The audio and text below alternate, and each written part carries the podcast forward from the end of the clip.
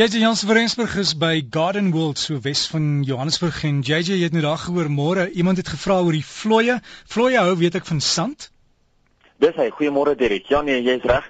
Vloeie hou van die sand, maar ook weet jy, mense kan dit baie maklik. Ja, jy kan jy buite areas spuit. Ek praat altyd van jou Alpha-Srin en jou AK47 wat 'n mens jou tuin mee kan spuit, maar jy kan ook pennyroyal. Dis 'n grondbedekker mint kan 'n mens plant. En dan natuurlik die vloei hou nie daarvan nie as jy honde baie keer aan hardloop hulle oor of hulle rol daaroor en dan jag jy basies daai vloei weg. So mens kan dit ook 'n natuurlike manier doen. So sê dit nou in stadige aksies soos in slow motion. Want almal gaan gaan epos en vra.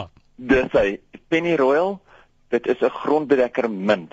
Die botaniese naam is eintlik eintlik Mentha reconiae, maar in elk geval Penny Royal is waarvoor jy vra. En Penny Royal kan jy by enige kwekery kry, hulle het dit enige kwekery is in die krye afdeling of in die grondbedekking afdeling en is eintlik ongelooflike mooi plat grondbedekker wat mense tussen jou plaveistene kan plant op jou bedding se rande as jy enige groot areas het wat jy bietjie grondbedekker wil insit hy werk baie goed daarvoor. En dit maak die slakke blou?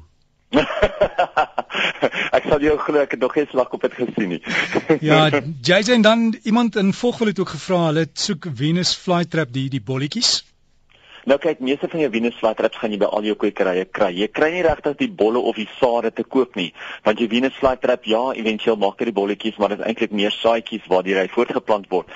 Maar die klein plantjies kan 'n mens definitief te koop kry by meeste van jou kwekerye. Hulle hou hulle wel aan. En so gaan draai. En ek het ook gesien baie van die kwekerye sin is al omtrent al dood as hulle dit wil verkoop. Moet 'n mens mooi kyk na hulle. Ja nee, definitief. En weet jy, daar's 'n paar reëls as mense kyk na jou Venus flytraps.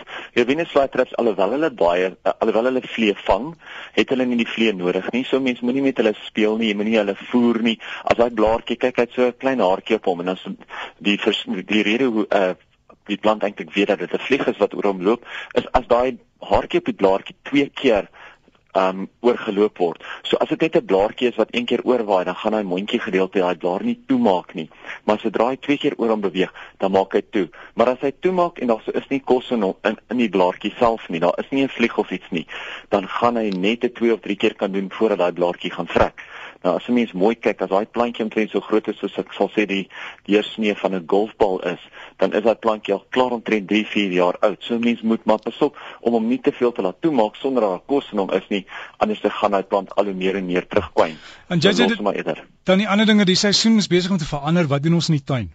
Ja nee, definitief. Vandag het selfs 'n bietjie oor waterbesparing in die tuin en ek self is mal oor die somer wanneer dit so lekker warm is en wanneer die dae ook so lekker lank is. Maar die grootste vraag is altyd, wat kan 'n mens doen om 'n mooi tuin te hê en ook terselfdertyd water te bespaar? Nou daar is verskeie maniere hoe 'n mens water in jou tuin kan spaar. En ek praat die hele tyd van byvoorbeeld watter tyd van die dag om nat te gooi om in die koeler tyd van die dag nat te maak. Die tipe besproeiing is ook natuurlik 'n baie baie belangrik dat mense eerder 'n groter druppel gebruik wat nie vinnig wegvaai nie. Want as jy in 'n baie winderige area bly, kan 'n mens natuurlik baie makliker jou plante nat lê in plaas van dit te besproei. Dan gaan hy water baie minder kan verdamp en natuurlik gaan dit glad nie kan wegvaai nie. Iets wat baie mense eintlik aan dink is om jou water te behou. Jy weet almal van ons bou altyd terrasse en ons kyk altyd dat die water baie mooi kan wegvloei sonder om die grond weg te vat. Maar wie van julle het al ooit daaraan gedink om die beddings en miskien jou grasperk self bietjie op die rande net te lig sodat jy effens meer 'n kom het dink nou net wat die verskil gaan wees as jy 'n plat oppervlakte het soos 'n tafelblad of so en 'n bord. Dink net wat die verskil tussen daai twee. Natuurlik gaan die bord vir jou 'n bietjie meer water terughou en die water wat in jou tuin val, gaan dan eintlik daar bly. Hy gaan nie net wegwaai nie of weghardloop nie. Potte en beddings wat vinnig uitdroog kan ook natuurlik iets mee gedoen word. Deesdae is daar verskeie produkte wat mense in die grond kan indruk om jou water terug te hou. Nou twee van die mees belangrikste of die twee, twee van die mees bekende produkte is natuurlik jou stakkezop poeier en palmveen. Stakkezop is eintlik 'n tipe silika gel wat 200 keer kan water absorbeer en weer vrylaat. So As jy stokkes op in jou potplante inmeng, weet jy dat vir die volgende 200 waterings, as jy elke tweede dag gaan nat maak, weet jy vir die volgende 400 dae gaan jy baie goeie water in jou plante hê. Maar onthou, stokkes op wil onder die grond ingewerk word. Jy kan hom nie net bo op jou potte strooi nie. As jy kleinerige beddings of wat ook al het wat ook baie vinnig uitdroog, kan jy selfs daai stokkes op daarso inwerk. Jy weet 'n pot van sê plus minus 20 liter gebruik 'n mens maar skaars 2 teelepels vol. Dit is hoeveel daai gel eintlik mee swel. Ja, jy ek, ek, ek weet in Australië is as jy wil byvoorbeeld gras plant, is dit baie plekke verpligtend om dit in jou grond in te werk voor jy plant. Ja, nee, definitief. In Australië het hulle 'n produk met die naam van Beach Rescue, omdat hulle sulke verskriklike wye strande het. En in daai Beach Rescue is die stokkes op gel en die palmveen. Nou die palmveen is heeltemal 'n natuurlike produk en anders as gewone veen verander dit ook nie die pH van jou grond so vinnig so soos gewone natuurlike veen nie.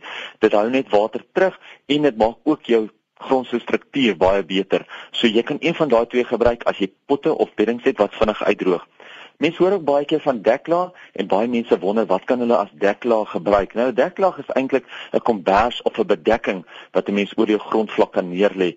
Nou om 'n deklaag in jou beddings of jou potte te gebruik, het oneindig baie voordele. En 'n paar voordele is dat deklaag keer in die water verdamp, dit keer dat die grond verspoel dit keer dat die grond om die wortels baie warm word in die somer en baie koud word in die winter ensovoorts. So jy gee eintlik vir jou grond 'n mooi kombersie. Ek vra baie mense, wat kan 'n mens gebruik as deklaag? Klippe, boombas, strooi en neutdoppe word baie gebruik, maar daar is nog baie meer wat jy gaan kan gebruik. Almal van hulle help as deklaag, maar ek sê altyd dat as jy klippe gebruik, en die bedding kry baie son. Onthou dan moet jy daai klippe ten minste dubbel gooi sodat daai hitte nie kan deurslaan na die grond toe nie. Andersins gaan hy glad nie help nie. Boombas is natuurlik baie koeler en word glad nie warm nie, maar onthou dit wat jy gebruik moet by jou tuin pas. So JJ en waar kry mense jou in die hande? Mense is welkom om vir my te kontak by JJ net jy by gardenworld.co.za. Dis op e-pos of gaan kyk na ons webtuiste. Al ons e-posadresse is daar. Wat sê alles van die beste JJ en lekker tuin maak. Baie dankie, sal daai kant. So gesels met JJ Jans van Rensburg, e-pos is jj by gardenworld.co.za.